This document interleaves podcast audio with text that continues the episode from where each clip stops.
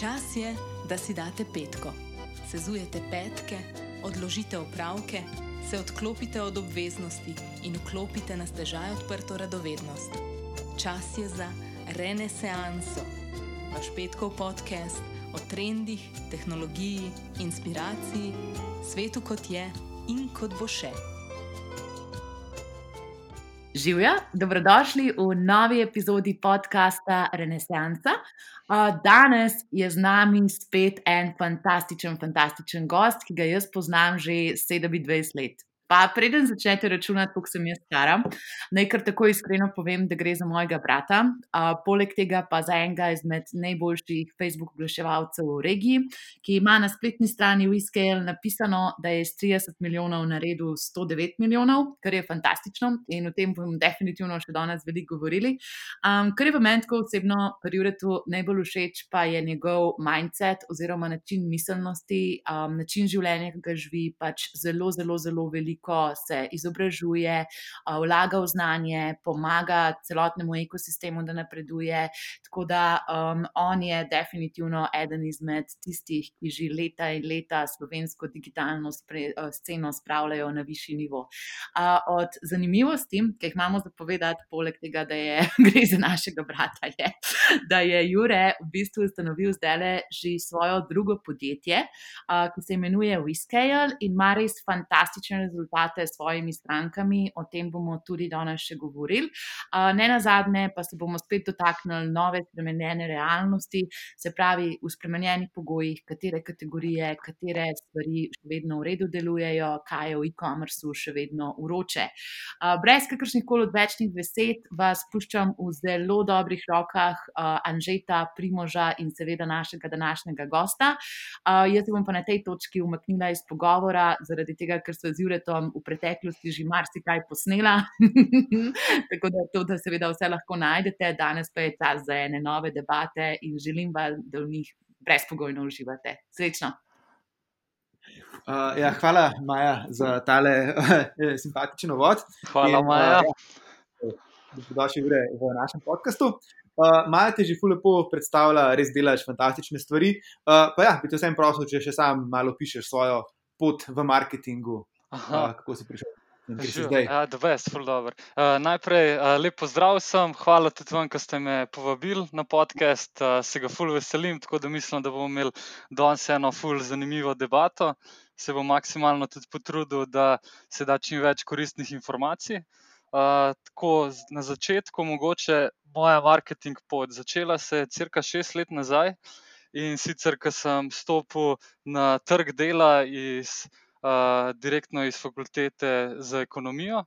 Uh, naj povem, da na začetku nisem čistočen vedel, kaj se spuščam. Uh, zanimalo me je, zato ker meni vedno mi je bilo ful fascinantno, ko smo se naprimer, na faksu učili, pa ko sem spremljal, kaj se dogaja vem, na, na TV oglasih, na billboardih, na radiju. Me je vedno ful zanimalo, kako dejansko poteka oglaševanje, če je targetirano. Ne? Se pravi, če mi lahko dejansko izberemo, komu se lahko oglasi prikazujejo. Ne? Da tistim, ki recimo iščejo določeno stvar, da potem določeno ciljno skupino in jih potem tudi personalizirano nagovorimo. In jaz sem takrat uh, nekako videl to priložnost za. V internetnem oglaševanju, ko sem začel brati, pa ko sem a, začel hoditi po teh podjetniških dogodkih. Um, in sem se potem sem začel delati najprej uh, tako kot eno prakso v agenciji, um, kjer sem imel to priložnost, da sem se spoznal najprej z e-mail marketingom, pa s Facebook oglaševanjem. In ne povem tako, da me je res me takoj noter potegnilo, no. um, ker mi je bilo fulj zanimivo, da dejansko lahko spremljaš uh, kaj se dogaja z vidika rezultatov, ker lahko izbereš, kaj se jim prikazuje, kakšno je sporočilo, ful lahko testiraš zraven, rezultate lahko dosti hitro vidiš in se na podlagi njih odločaš naprej. Tako da mislim, da tist od prvega dneva, ko sem naredil prve oglase, da, so, da me čist nekako ta passion do tega digitalnega marketinga, da me je prevzel. Tako da um, eno eno leto, slabo leto, sem potem tudi delal v tej agenciji. In tekom faksa, in potem tudi, ko sem začel delati, je v meni skozi bila ena taka podjetniška žilca, bi rekel. Ne? Se pravi, vedno en tak uh, pešen, da bi nekaj ustvaril, se pravi, nekaj uh, svojega. Mogoče je bilo to tudi uh, takrat full in. Uh, da mlajši, da vzamemo riziko, ustvarjamo svoje podjetje. In sem rekel, nimam nič za zgubiti, zato ker sem itak živel sem doma, kakšnih hujših, večjih uh, stroškov, da bi imel, nisem imel. Uh, tako da sem rekel, pač gremo probat na market, kaj se zgodi. Um, in pol je bilo v bistvu to zelo nekako tako težka situacija za me, zato ker do takrat sem bil samo oglaševalec. Se pravi, do tistega trenutka ti skrbiš, kakšni so teksti, kakšne so kreative, um, kakšen je targeting noter. In to je nekako tvoj svet, spremljaš rezultate, optimiziraš, probaš rast. In pa, pa kar naenkrat, ko sem pa stopil v bistvu v kožo, da si nekako podjetnik, oziroma da imaš svoje podjetje, je bilo pa treba najprej sploh najti stranke, zato ker ni bilo nobenega, ki bi kar uh, me sam kontaktiral, ker nisem imel ene prepoznavnosti. Takrat sem bil 22 let star, nisem neki delal, ki je na personal brandingu. In potem je bilo najprej treba naučiti cold callinga, se pravi, pa z mailingi reach out ven da smo dobili sploh kakšne sestanke, da sem se lahko pogovoril, da je bila ta priložnost. Pol tudi, ko sem prišel na sestanke, najprej sem mogel, po moje, priklicati 30-50 strank, da so sploh prve. Uh, prvi sestanki, da sem se lahko dogovoril, pa sem prišel na sestanek, sem ugotovil, da ne znam zapirati posla, da bi se dogovoril, in se bilo treba pa še to naučiti. Sem takrat začel googlati, sem šel tudi na en tečaj, kako o tej prodaji. Uh, zato da sem lahko dobil prve stranke. In na začetku, ko sem bil tudi sam na marketu, je bilo ful težko, uh, ker uh, nimaš nobenih referenc za pokazati, in moj pristop je bil, da pač prve mesece se dela za ston. Zato, da sem dobil priložnost, uh, sem potem delal vem, en mesec, pa par tednov za ston, in šele potem je šlo to naplačljivo. In ko sem dobil priložnost, sem se potem lahko tudi izkazal. Uh, naredil sem tudi pol ekipo, je ekipa postopoma rasla, noter polje, to je bilo tri leta, crka, v, sem delal v agenciji, full na različnih projektih, noter. Uh, nekako smo delali predvsem na tem, da smo stranke peljali v tujino. Uh, pa sem si že želel nekako tudi videti uh, insight, kako se dogaja v, uh, v podjetju, in začel iti v e-commerce noter. Tako da od tam naprej je pa potem uh, pot se palala po različne stvari. No, tako da, da ne bom predolg iz tega zgodbe, iz zgodbe uh, najbrž imate vi tudi že pa pripravljene še kakšno vprašanje naprej. Da... Ja, bomo gotovi še. Ja, ja. Ampak res fantastična, fantastična pot, uh, zelo, zelo mi je všeč, kako uh, ja, ta pozornost, ki si jo vedno dajo, umrljivosti rezultatov, pa hkrati tudi to, ja. kako si vedno. Želel to neko stopnjo več, ta, ta, ta drive, ta strast, katero ne, si, si šel čez te uh, različne uh, stage. Um, zdaj, ta hip, ja, um, imaš pa agencijo Wiskela. Uh -huh, ja. uh, lahko še tole malo predstaviš? Ja, itak, ja. Um, jaz sem potem eno leto pa pol delal v e-commerce podjetju um, kjer sem videl nekako drugo stran oglaševanja. Ker do takrat je bilo za me oglaševanje samo, ok, to so različne platforme, za te platforme rabimo narediti to, to, to, zato da bomo dosegali uh, dobre rezultate. In sem gledal v bistvu, kot da je to nekako ena glavna sestavina uh, in ključ do uspeha, zato da je lahko podjetje um, uspešno. In pol skozi to obdobje, ki sem pa imel, uh, ki sem pa začel delati po e-commerceu, pa nekako vidiš potem vse druge oddelke, kaj se dogaja, kje so izzivi noter. Uh, tudi takrat je več ljudi, sem imel potem pod sabo noter, se naučiš malo vodenja, komunicirati z nabavo, z IT-om, s customer supportom noter. Tako da sem nekako videl drug del in zato je bila tudi pol moja želja, da naslednjo stvar, ko ustvarjam, da je nekako mešanica tega. Ne? Da po eni strani, da delaš kot agencija, ampak da si v bistvu tudi kot partner z vidika e-commerce, da se dela zelo z omejenim številom strank, se pravi, naša agencija je butična in hočemo delati pač res samo s parimi brendi in biti za njih ne samo en partner, ki dela ne media buying, ampak biti pač tisti partner tam zraven, ki bo tudi pomagal pri svetovanju, kako pelati spletno trgovino, kako dejansko naročati zalogo, kako odpirati nove države noter. Tako da je nekako ta kombinacija, smo hoteli združiti, da na eni strani ta agencijski del in to znanje iz in-house dela s podjetjem, tako da potem pomagaš podjetjem um, rasti in pa tudi postaviti en sustainable business. Cool. In specializirani ste prav za e-commerce. Ja, ja, ja. Uh, tukaj, mm. tako fulje, um, o tem sem fu razmišljal, ko sem začenjal. Ne? Nekako je moj driver je bil vedno e-commerce, smo delali tudi že druge stvari, tudi lead generation smo delali kampanje, noter tudi prodajali smo od storitev, produktov, fu različnih stvari, ampak se mi zdi, da nekako ena stvar, da se lahko v njo usmeriš, je.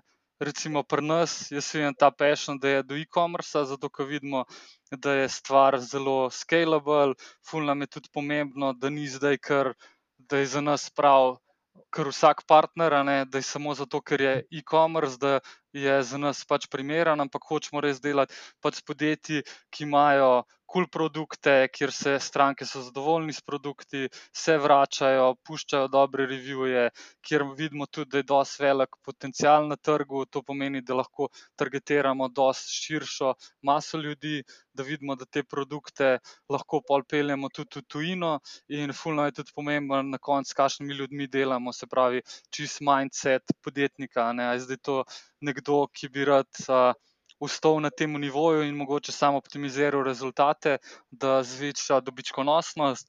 To za nas, recimo, ni dober fit, mi si pač želimo delati z ljudmi, ki imajo pač eno vizijo, da bi rastel, da bi se širili na druge trge, da bi delali na svojem brendu, da bi lansirali nove produkte. Tako. Top, super pristop, super mindset. Um, tako da, ja, kar se pa zdaj te konkretne situacije na trgu tiče, je pa koronavirus in vsi ja. ukrepi vezani ja. so pa gotovo tako, kar spremenili uh, realnost. Mm. Prav za en biznis ne moremo reči, da, ni, uh, da ne čuti nobenega vpliva, ali je to pozitivno ali negativno. Mm. Ja, ja.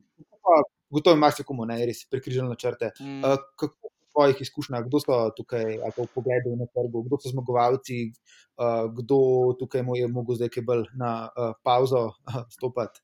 Uh, ja, jaz bi to mogoče čist pogledal, kako se je sploh začel. Se pravi, če se vrnemo čist nazaj, nekje januarja se je že začel s tem, da je imel veliko podjetij že težave s tem, ko se je kriza začela, naprimer na kitajskem, tista podjetja, ki so imeli dobavitelje iz tistih um, se pravi, iz tistih koncev, so imeli potem probleme dobiti robo. Se pravi, to je bil ta prvi izziv. Ker mislim, da do takrat je večina tako širša javnost gledala to bolj iz tega vidika, da ja, to se tam dogaja, to do nas itak ne bo prišlo. Ne?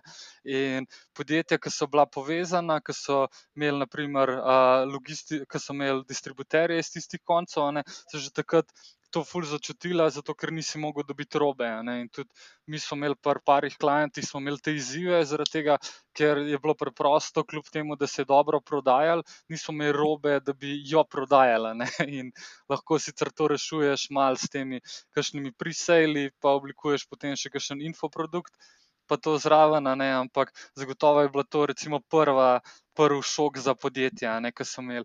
In ko bo se enkrat to tudi razširilo v naše konce, ko so kar naenkrat se pojavila karantena, se mi zdi, da je bilo tako dost faze, da je ta prva faza je bila tako splošna panika. Ne? Se pravi, vsi so vedeli, nekak, no, vsi so se nekako ustrašili, kaj bo zdaj. Ljudje so tudi fulman začeli kupovati prek spleta, recimo te stvari, ki niso zdaj življenjsko nujno potrebne. In so vsi šli mogoče bolj v fizične trgovine, zaradi tega, da so si zagotovili tiste življenjsko nujne potrebščine noter. In tudi ljudje so takrat je bilo, ful se tudi videl, naprimer pri feedbackih in pa pri stopnjah konverzije, se pravi, koliko ljudi je dejansko prišlo na stran, pa koliko jih je kupil. Um, iz tega vidika, ne, da ljudje niso čisto vedeli, da bo dostavljena, ne bo dostavljena. Tudi podjetja so imela ful izzive s tem, tisti, ki so prodajali fizične produkte, ali bo dostavna služba sploh lahko dostavljala, pa nekje, ki so plačila po povzetju, fulj popularna, ne, kako bo zdaj to potekalo. Določene logistične firme so omaknile tudi plačila, ene so ga obdržale, pa so posebne potrebe. Tako da mislim, da prve dva tedna je bilo tako res nekako ena tak. Neznano področje ne, in kako se zdaj odzvati na to. In mi smo takrat ful začeli in tudi ful e-commerce je začel komunicirati, ne, da na varianto, kako je, je naročevanje prek spleta nekako lahko varno, ne? zato ker fizične trgovine za te ostale stvari so bile zaprte, in potem je bilo ful treba komunicirati na to varianto, da naša spletna trgovina ne moteno deluje, kako se bo prevzel pakete. In videli smo tudi potem v teh tednu, dveh, ko smo prilagodili. Komunikacijo, da je začel ful rasti, da so e-commerce začeli ful pospešeno rasti. Tako da potem se je pa začel po teh dve te, dveh tednih. Ja, Mhm. krp. Jure, sta- a, tako, mislim, imaš kakšno vsaj tako približno čez palec ceno, kakšne, v kakšnih uh, stopnjah rasti govorimo? Uh, jaz mislim, da je to recimo tako generalno na celem trgu težko reči, zato ker nimam teh podatkov, ampak na pri, nas- pri strankah smo takoj videli, da je pri določenih je šlo že ne, za 30 do 50 odstotno rast na dnevni ravni, se je že videla, ne, da je začela tako overall dnevna proda, prodaja poprečno je začela fur rasti, glede na prejšnjo obdobje, ki je bilo. In potem se je pa po 14 dneh se je pa zgodil nekaj, da se je dejansko oglaševalski prostor se je ful sprostil. Um, kar pomeni, da je bil cenejši, zaradi tega, ker so tudi userji začeli biti full del časa na teh platformah, na katerih oglašujemo, in tudi so začeli več potem nakupovati prek spleta. Ne? Tako da nekako tisto od konca marca naprej imajo e-commerce, tisti, ki prodajajo produkte, ki so ne, za domačo uporabo, noter, imajo full veliko priložnost. Ne? In veliko winnerjev, naprimer, je bilo, ena je itak.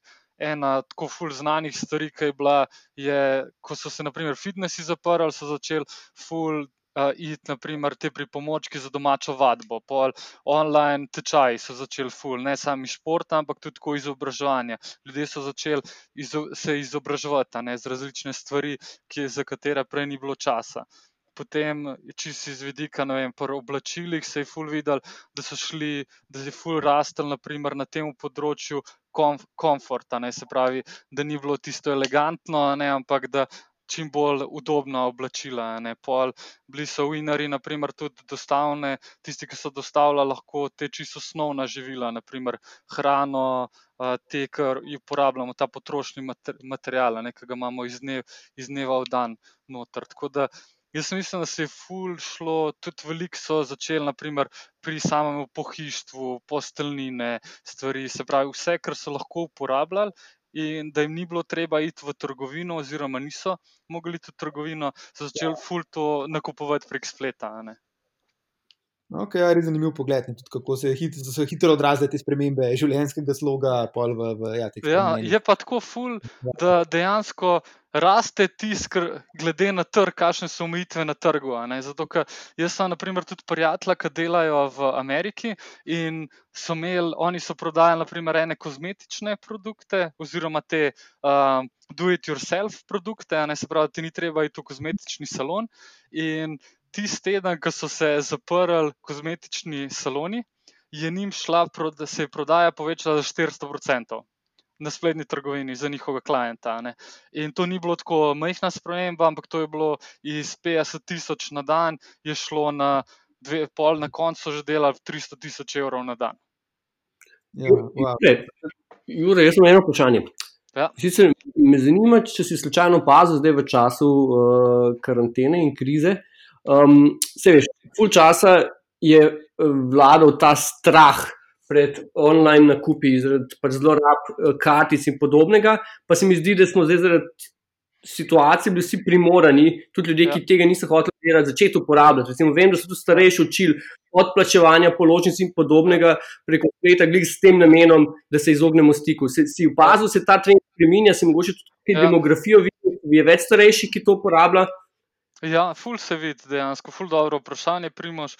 Ful se vidi, da lahko dejansko v tem času v, dobiš ful kupcev, ki drugače ne bi najbrž kupili pri tebi, oziroma bi imeli kakšno prepreko pri tem. Ampak če pa, naprimer, možno, da je to ena od možnosti, ne, ki jih je zdaj, da, da ostale možnosti, naprimer, da stran, da bi to kupili na ufični trgovini, ali pa imajo določeni ljudje, imajo itak odpor, oziroma tudi ni priporočeno, da se preveč gibamo itak v teh fizičnih trgovinah noter. Tako da se full vidi tudi, ja, da se dejansko starejši so začeli kupovati, full se je začel novih kupcev. Mi smo imeli tudi tako zanimivo, naprimer, v tistem času, ko se je začela kriza, ne, smo mi začeli ful delati na tem, da smo forsirali, naprimer, remarketing. Se pravi, najprej smo hoteli v bistvu tistim ljudem, ki, že, ki nas že poznajo, smo hoteli v bistvu komunicirati, se pravi, pri nas je varno kupiti. Lahko dostava vse normalno poteka, pol začeli smo delati tudi veliko na e-mail marketingu, na obstoječih kupcih. To je bilo, naprimer, prvi teden, pa drugi teden noter, pol po tem se je pa tudi ful videl, da so začeli novi kupci. Jaz mislim, da je glih te novi kupci, da so začeli kupovati glih zaradi tega, primož, ki se ti v bistvu izpostavil. No? Da uh, so začeli tudi tisti, ki prej niso kupovali prek spleta, pa drugače ne bi kupili či, čistih stvari, a ne so pol začeli kupovati. Jure, ti pri svojem delu, ker da si tudi kakšne influencerje uporabljaš, pa si kar uh, veš tega influencer marketinga. Kako se je pa to zdaj spremenilo? Oziroma, ne, kako influencerji delajo od doma, ali pa zdaj, ko so doma. K, ja. Veš, kako je ful je dejansko zanimiv, zato ker je. Um, zdaj se mi zdi, da je ful lažje v bistvu sodelovati z njimi. Ja, nimaš, ni toliko, naprimer, diversity, a nimaš pri kontentu, pri enem influencerju, zato ker večino bo to posneval na, na sprehodu ali pa doma. Ampak je pa ful dobra stvar, zaradi tega, ker so doma in lahko hitreje procesirajo vsebine. Se pravi, naprimer, če si prej mogoče enemu poslov, pa si dobil vsebine vem, čez tri tedne, pa čez štiri tedne, in zdaj dobiš v enem, pa v dveh tednih. In tudi zdaj so se firme. Tudi, ko se pogovarjam s temi influencerji, ki mi veliko sodelujemo, so tudi rekli, da so zdaj nerealno veliko dobili popraševanj, iz vidika, da firme hočejo sodelovati ne, s tem. Tako da se mi zdi, da je in za e-commerce, in za influencerje, da je zdaj en tak zelo ugoden čas, zaradi tega, ker imamo dejansko čas, čas lahko investiramo pa energijo v to, da delamo pač na tem svojemu poslu. Wow. Uh, Zakaj pa, uh, verjetno, pri tej usmerjanju energije, pa tudi kakšne druge kanale, se kaj testiraš? Mislim, ti ja. predvsem se specializiraš za Facebook in Instagram. Ne? Vem pa, da tudi recimo, ja. TikTok si mi drobno gledam. Ne, a imaš že kakšen pogled, kaj ta hip kaže kot naslednji hod kanal, se tudi tukaj kaj novega? Veš, kako mi smo dejansko ta čas smo full uporabljali. Najprej v prvi fazi smo delali, uh, najprej se pravi, kot sem rekel, mail remarketing, noter, Google smo nekaj še dodali, mhm. zdaj se. Zdaj plan delamo tudi, da bi na YouTube, da bi šli testirati noter. Za TikTok imamo v planu, ampak nismo ga dejansko še realizirali, tako da a, ti ne bi mogel dati kakšnih zelo konkretnih informacij, kako deluje. A, vidim pa, da določena podjetja že aktivno delajo na tem. A, nisem sicer še govoril z, z nekom, ki bi imel direct response iz tega, se pravi, da bi se direktno poznalo na rezultatih noter, ampak itak mm. je mhm. fur zanimivo. Uh, to, mi smo pa ta čas v bistvu tudi zelo veliko uporabljali za to, da smo analizo delali čisto iz tega vidika, da smo poslali ven ankete ven lastnim kupcem, da smo razumeli, kaj je tisto, kar jih skrbi, kaj jih je prepričalo v nakup. Se pravi, to interakcijo v bistvu z svojimi kupci na svoji bazi, da tudi delaš, ker mi tudi zelo hočemo delati na tem, se pravi, da so kupci lojal. Brendu, Zato, ker to se mi zdi, da je zdaj v današnjem času ful težko doseči, zaradi tega, ker je praktično toliko informacij in vsi iščejo najboljši del um, in je lojalnost lahko zelo majhna. In zato smo potem tudi začeli delati na tem, da smo še več delali na vsebinah, da so bile še vsebine boljše, da smo pošiljali ankete ven, ne, mi uporabljamo naprimer Typeforum. Ki, s katerimi smo potem raziskovali na določenih bazah, kako so zadovoljni, kaj jim manjka, kaj bi bil naslednji produkt, kaj si še želijo noter. Ko smo delali tudi na tem, customer experience, noter, zdaj pa za nas. Uh, nekako naslednji test, v katerega ful verjamemo, da se bo dobro poznal, no je pa YouTube advertising. Oh, wow. um, ja, Umenil si že tole, uh, se pravi, uh, lojalnost, ja, da je včasih tako izmuzljiva, pa tudi ja. pozornost, ne, je pa gotovo ja. na spletu. Tudi če dalje večje zlato, oziroma je omejena, je valuta. Ja. Ja. Tako da imaš klep dober svet, kako jo zgrabiti, oziroma je pomembneje, kako jo obdržati. Ja, jaz mislim, da je ful dejansko treba izhajati iz tega, da razumemo, kakšno je obnašanje, kje mi prikazujemo vsebine in kakšno je obnašanje uporabnikov na posamezni platformi. Se pravi, zdaj čisto teorija ne bi mogel biti bi vsaki platformi nekako mogli prilagoditi kontent, da bi bil native, se pravi, da v bistvu osebe, zato ker userji, ki pridejo na bilo katero platformo, bodi si to, da je to Twitter, LinkedIn, Facebook, Instagram, YouTube, oni ne pridejo gledati v glasov. Se pravi, oni pridejo na to platformo, zato ker jih zanima, kaj se z drugimi ljudmi dogaja. In oni pridejo nekako mogoče iskati uh, animacijo, informacije, noter hočejo ščekirati, kaj se z njihovimi prijatelji dogaja, noter mogoče hočejo dobiti kakšno inspiracijo, tudi kaj bi vem, sami delali. Uh, in moramo potem čisto iz tega izhajati, ne? ker veliko vem, da pri podjetjih je glih to problem, da izhajajo iz tega, kaj hočemo mi kupcem povedati, ne? kaj hočemo mi svojemu komunitiju povedati, ne kontrasmer, se pravi, kaj tiste ljudi zanima, kaj bi jim pritegnili pozornost in kako bomo to pozornost zgrabili na posamezni platformi. Zato, ker zdaj velika te govora tudi o tem, da delati s slikami, a z videoposnetki, kako dolgi so videoposnetki, uh, v kakšnem formatu so. Tako da jaz bi ful tukaj poudaril, tako čist praktičen svet je, da če gledamo recimo platforme, kot so naprimer vem, Facebook in Instagram, se treba zavedati, da ena oseba bo pač preskrolala na Facebooku in Instagramu 90 metrov na dan. In tisto glas, ki ga boste vi prikazali, zauzame mogoče pol ekrana, oziroma tri četrt ekrana na telefonu. In oseba, vidna v tem polju, je videno glas približno 1,7 sekunde, tako CC noter, se pravi, tam nekje od ena, dve, tri sekunde, imate vi, da vi njemu vzamete pozornost. In zdaj jaz mislim, da je ključna stvar pri tem, bodi si to, da je to slika, da je slika nekaj tazga, da se oseba ustavi. In, in na video posnetku, da se nekaj naredi, eno gibanje, da je ta prvi kader, je ful pomemben. Tudi veliko se, naprimer, dela na teh thumbnailih, se pravi, slika preden se video začne prikazovati, da se ena slika, da flashne, ne noter. Tako da, ful na tem je treba gledati, kakšno pozornost pač ko je, kakšna je kreativa. Zato, ker prva stvar, ki bo na teh platformah ustavila pozornost, je kreativa, in potem bodo oni gledali tisti posnetek nekaj časa, spet tukaj je velikrat.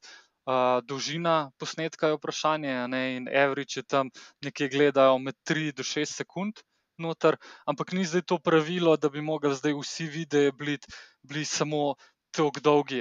Mi vidimo tudi pri strankah in tudi, ko se pogovarjam z ljudmi, ki delajo s proračuni milijon naprej na mesec, veliko delajo tudi z videi, ki so dolgi, ne vem, pol minute, eno minuto, tri minute. In pri njih je tudi ključno, ne, tudi pri videu, ki se vam mogoče predvajajo dve minute, ne, je ključno tiste prve sekunde, potem je pa predvsem ta storytelling ne, znotraj videa, koliko časa boste vi lahko pri njemu držali pozornost. Ne, tako da razmisliti iz tega vidika.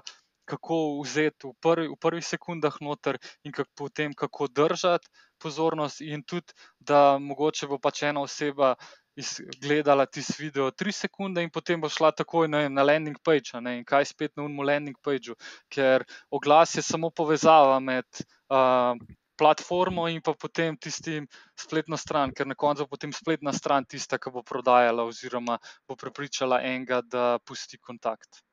Dragi poslušalci in najdražji poslušalke, čas je za našo stalno rubriko in sicer 30 sekund za zanimivo in zabavno dejstvo ter druge neumnosti. To, kar bomo. Uh, Ali ste vedeli, da pred velikim redizajnom Facebooka leta 2007 je bil v glavi strani malo zamaskiran obraz igralca Al Pacina?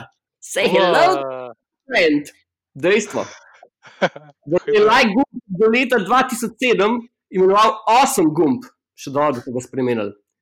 Da je bil na začetku Facebooka ena izmed core funkcionalnosti, peer-to-peer sistem za izmenjavo datotek, imenovan Wirehawk, in na ta način so si lahko študenti med sabo izmenjevali študijska gradiva in zapiske. In še zadnje dejstvo, da se je ob lansiranju leta 2004 Facebook imenoval The Facebook, skupaj pisano, in da je Sean Parker, eden izmed očetov Neptuja, glavni pobudnik za preimenovanje in tudi kupil domeno facebook.com za 200 jurjev dolarjev. Ha? Oh. Ja, malo manj uporabno dejstvo, ampak to je to. Ok, Jure, a si pripravljen? Sem, evo, Evo. gasa. Ah, hej. Vsi smo opazili, da je uh, kreiranje uh, user-generated contenta šlo v hiperprodukcijo, uh, ljudje imajo preveč časa, vsi ustvarjajo.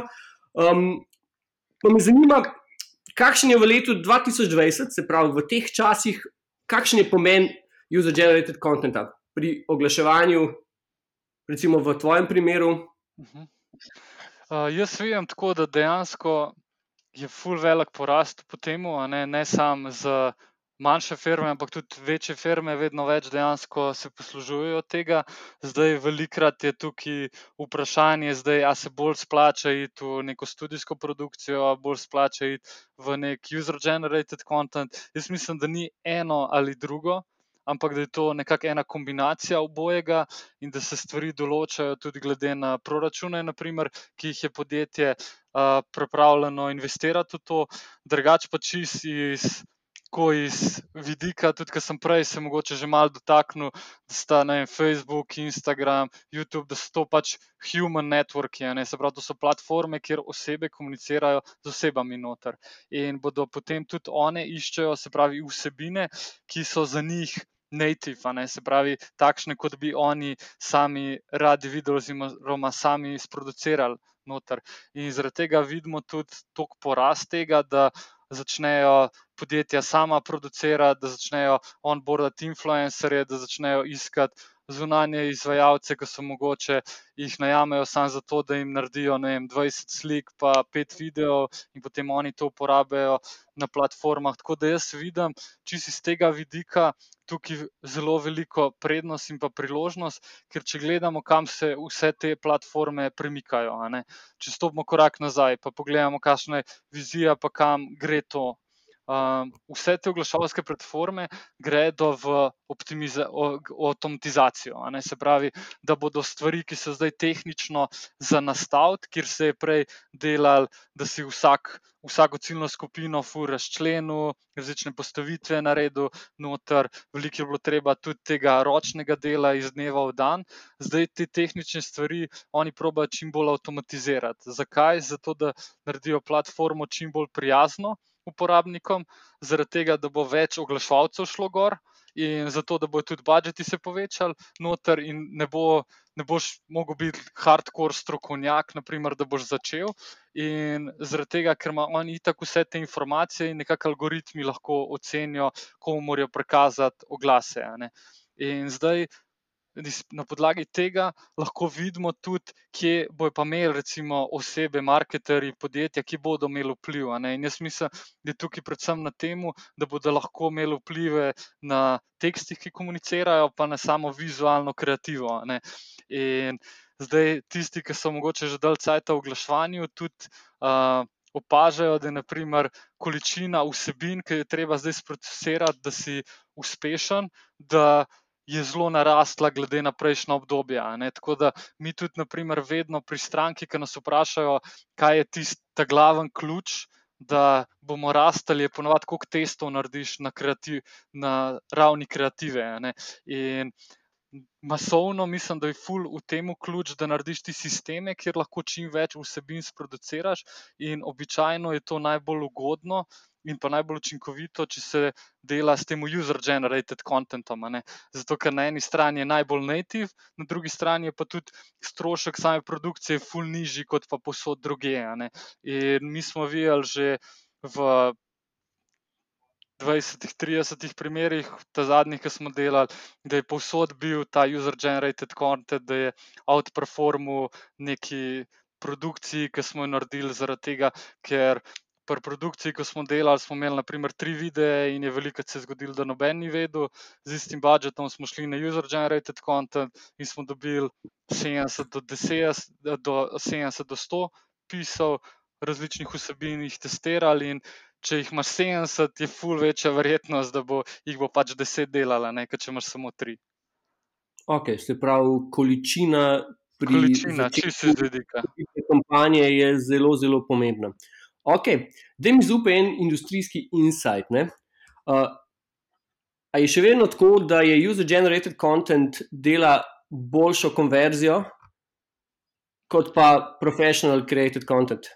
Veš, kako jaz ful mislim, da ni tako general to na industriji, ne, zato ker imaš vse ti kakšna področja, ki so mogoče vem, bolj v teku, ali pa je ena stvar, ki je mogoče že bolj izpostavljena na trgu. In mislim, da tam je tudi velika, da bo kontent, ki je iz strani profesionalne produkcije, da bo boljš performal noter, ampak za začetna podjetja bi pa rekel, da v večini primerov je, ampak spet je od zgodbe do zgodbe. Lahko se tudi zgodi, ne, da je sama narava user brenda in pa tudi tistih kupcev taka, da jih bo bolj prepričala tudi mogoče ena taka bolj profesionalna kreativa noter. Ampak vidimo pa tudi, da tudi tisti, ki uporabljajo profesionalne kreative, tudi začenjajo vedno več pač userjev dobiti. Zato ker čisto iz vidika, pač na podlagi česa se ljudje odločajo. Ne? Psihologija je na podlagi cene in pa priporočil. In na podlagi teh user-generated contenta je ponavadi za osebe to kot eno ustno priporočilo, ne, se pravi, social proof, da to nekdo že uporablja in je s tem zadovoljna, zadovoljen. a ne. Ker ljudje ne iščemo, kaj, kako tisti produkt izgleda. P- Ljudje v večini iščemo, kaj je tisti benefit, ki ga bo ta produkt naredil za nas. če mi vidimo eno, v večini primerov, če mi vidimo en obraz enega na- nasmejanega up- uporabnika, ki razlaga o produktu, kako mu je naprimer, izboljšal življenje, ali pa kako je naprimer, z, ne vem, z nekaj cenejše je dobil boljše rezultate, ali pa kaj, bo to bolj delovalo, kot če bi naprimer, dali samo produkt na eni beli podlagi, v večini primerov. Kul, kul. Uh, Predvidevam, da si zdaj, ko imaš uh, novo firmo, full busy. Ne? Dej, povej mi, kako menedžiraš ti svoj čas, kako Aha, ja. postaviš prioritete, kako, ka, ka, a ima- a imaš kakšne, imaš kakšne stvari v, v dnevu, uh, ki jih konstantno upravljaš kot neko rutino, zato da imaš neko to, bom rekel, zdravo, zdravi ritem čez dan. Ja, jaz sem imel tako, jaz sem zdaj šest let, sem cca šest let, malo manj, sem na marketu in se mi zdi, da sem vedno sem videl, da nekako najbolj, najbolj sem omejen s časom, ki ga imam. a ne. Nikoli nisem imel tako kakšne. Um, Kakšnih problemov z disciplino, da se mi kaj ni dal delati, da se mi ni dal učiti. Tako da vedno sem imel nekako to vse, ampak vedno je bil nekako uh, problem v tem, kako postaviti prioritete. Kaj nikoli, zavedal sem se pol, v, po parih letih sem se zavedal, da nikoli ne bo vse narejeno. Nikoli ne bo vse narejeno. In pa sem začel uh, analizirati, se pravi, teske, ki jih imam. Naprimer, jaz uporabljam kombinacijo Asane in pa Google koledarja. ne. Se pravi, v Asani imam tiste teske, ki vem, da jih moram narediti, in ti so tudi uh, razporejeni glede na prioritete, in jih imam potem A, B, C, D. In vem, tiste A so une nujne in bojo imeli tudi za dolgoročen benefit največji, ne, če jih naredim, medtem ko tisti, ki so D, tudi če ne bojo narejene, je čisto ok. Se pravi, in grem po iz tega vidika, kje so teski noter, pa si pa probam dan razporediti na, na podlagi tega. Ne. In kako jaz to delam? Jaz sem ful opazil, da.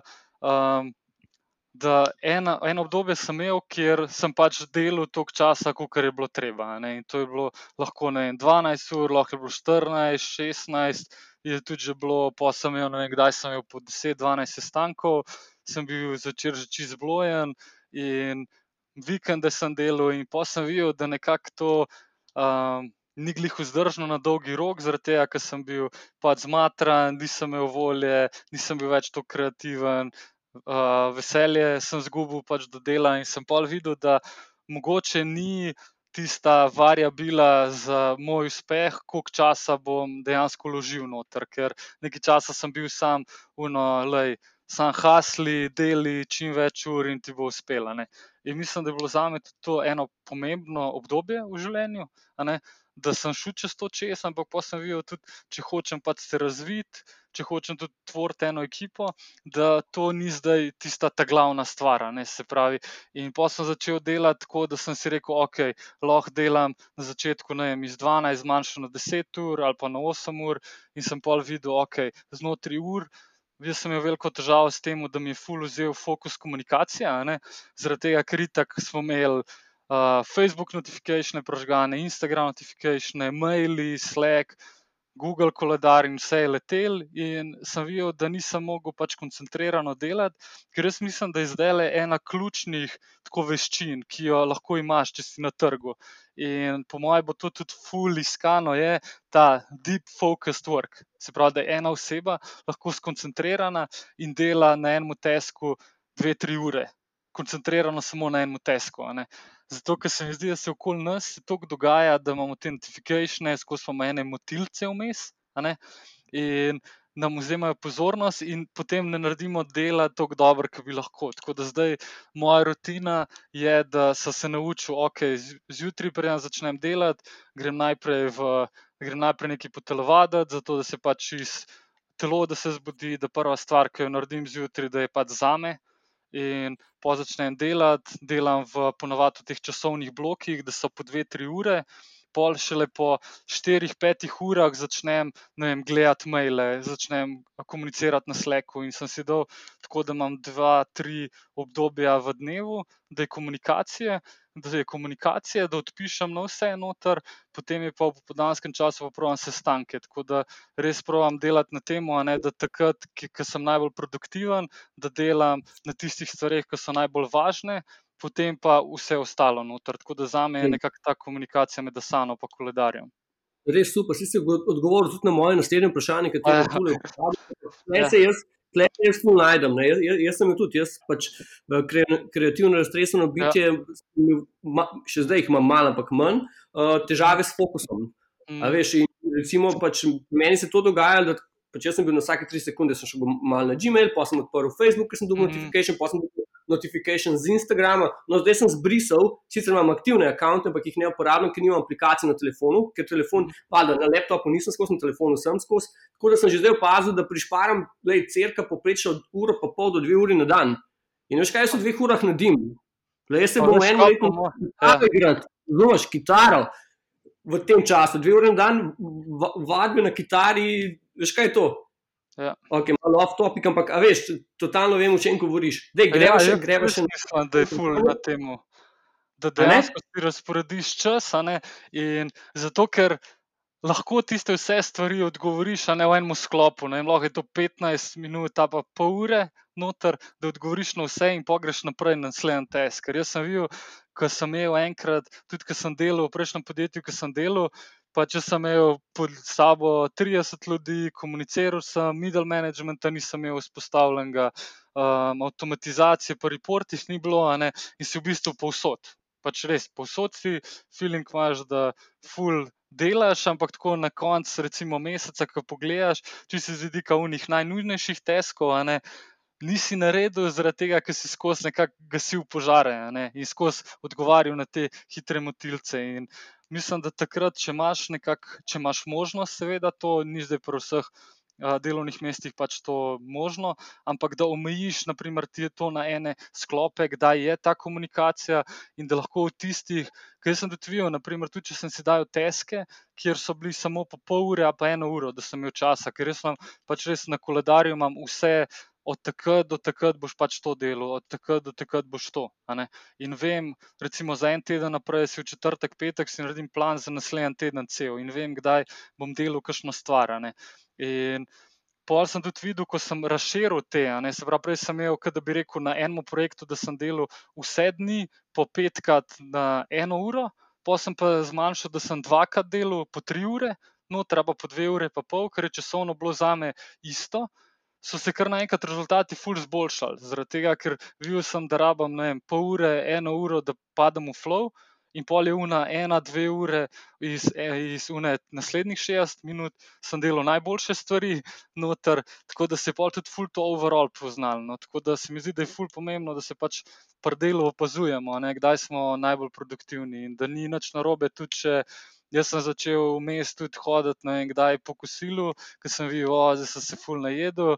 Pa sem imel vmes, da je malo lažja hrana bila, pa sem pa začel iti na sprehod ne, za 50 minut, ne, zato da se čist malo razfrišil in mi je pa spet, ful sem bolj delal. zanimivo. Ta tema samoorganizacije, organizacije lastnega časa, prav kliče po enem ločenem podkastu. ja. Lahko ljudi malo izobrazili, ker kot jaz in verjetno večina nas z motilci pozornosti bi nam prav prišel en tak šnel kurs, kako se organizirati, da, da prideš do večje produktivnosti samega lastnega časa. Ok, Jure, gremo na naslednje vprašanje. Zdaj pa tako, ne? kaj bi ti svetoval ljudem, ki se šele lotevajo digitalnega marketinga? Da našim znanjem, želim poslušalcem, zaupaj en tak dober insight, nekaj, kar strokovnjaki radi skrivajo. Ja. Um, od, kako ima Nike slogan? Just do it. To je to. Uh, ne, drugače res pač iz tega vidika. Jaz mislim, da oni, ki se začenjajo, ki začenjajo delati na tem področju, um, je ful velika največja težava, da jih je strah. In da hočejo dobiti vse informacije, preden začnejo. In veliko se zgodi, glih par dni nazaj, ko smo se pogovarjali in smo imeli en webinar, in je bilo ful vprašanj na to temo, res tehničnih. Tako te stvari, ki se mi pogovarjamo, ko enkrat začnemo, naprimer, spendati 100 tisoč evrov na mesec. Jih oni sprašujejo na začetku. In jaz mislim, da je čist ok, če začnejo, da se res o, najde vem, en tisti osnoven članek, lahko je to ne vem, John Lumerja neki, lahko je to video na YouTubu, kako se naredi glase in probajo, lahko je to en Udemy kurs, ampak tudi ni treba zdaj Udemy kurs, da je 20 ur traja, ne, ampak sam za štart. In štartati pač z manjšimi proračuni, in pol videti, kaj se dogaja. In ne pozabiti, da ni to en uh, bav, bav, da je to nekaj zelo težkega, zaradi tega, ker vse platforme se, upo, se uh, pomikajo v to smer, da bo čim bolj prijazno za uporabnika, in je zdaj, verjemite, veliko lažje začeti, kot je pa bilo par let nazaj, iz vidika, kako se postavlja oglase, in da potem spremljate rezultate. In, Je potem čisto ok, če se sproti naučite in da začnete pol brati. In tudi, ful priporočam, se mi zdi, da je uh, zelo pomembno, da se zavedamo, da je informacij, ki so na voljo, je ogromno. In veliko se te informacije med sabo se križajo, veliko se pa tudi odstopajo. In se mi zdi, da je zelo dobro, da ko si izberete nekoga, kateremu boste sledili, da ste mu zvesti, da, se, da je to res mogoče trem ljudem, ki izgledajo kredibilni, a pa vam jih nekdo priporoči, in se od njih učite, da se naučite iz 20 različnih sorsov. Ker na začetku ne boste vedeli, kaj je blef, ker če gledamo internetne vsebine, vsak lahko napiše članek, vsak lahko posname webinar, vsak lahko dejansko naredi online kurs, vsak lahko naredi. Mi ne vemo, on se lahko nam zlaže, pa reče, da je ne vem, kaj vse že naredil, noter in mu zaupamo, ker ja, ta pa zgleda res, mogoče sem dober prodajalec.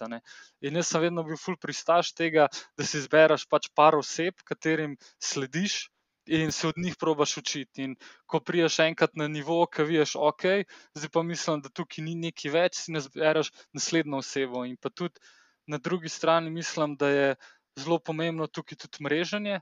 Uh, to verjamem, da ste vi trije, ste tudi zelo močni, Maja, že videl, vem, da ful delate na tem. Uh, Primoš, tudi verjamem, da veliko delaš na tej svoji mreži, da se pogovarjaš tudi z ljudmi, ki delajo podobne stvari. Ker najlažje se je učiti in dobiti pač najboljše nasvete iz napak nekoga drugega ali pa iz uspehov nekoga drugega. Ne. Tako da mislim, da je ful na tem, da si zvest parim, da dobiš informacije, da hitro začneš, da se testiraš in potem tudi, da se pač pogovarjaš o teh stvarih. Se pravi, biti radoveden, ne šparati jezika, predvsem pa ne biti all over the internet, ampak se fokusirati na par virov, ki so relevantni in ki jim lahko zaupaš. Vem, se, problem je že to, da v bistvu tudi, če je več relevantnih virov in ti več ljudi spremljaš, vsak človek ima svoj stil. Um, ja. In te stili včasih niso zelo kompatibilni, kar pomeni, da pač, ja. če hočeš mešati, boš na koncu dobil neko čorbo, ki ne bo imela uh, dobrega, dober okus. In se pravi, se veš, kako je preveč kuharjev. Uh, kako že uniči juho, kako pravijo. Ja. Um, tako da tle, tle se čist tudi jaz strinjam s tabo. Um, Dober insight, uh, dobri na sveti. Zdaj, Mogoče, si... tukaj, če, če ti lahko samo skočim noter, če ti lahko skočim. Mi, ki smo, ki sem zaposloval na področju kreativa, ne, se pravi, delati kreative za social medijo, ne, za Facebook, Instagram, oglase. ne. In zdaj, kako iskati ta pravi kader? ne. Zdaj, na trgu ni bilo takrat nobenega, ki bi to dejansko že ne. In so se dejansko takrat sprijaznili, ok, en, ki ima vem, tehnično znanje, da to zna narediti, in ne ve pa mogoče teh še. Kjer so glavni triggerji, da bo to dejansko delala. ne.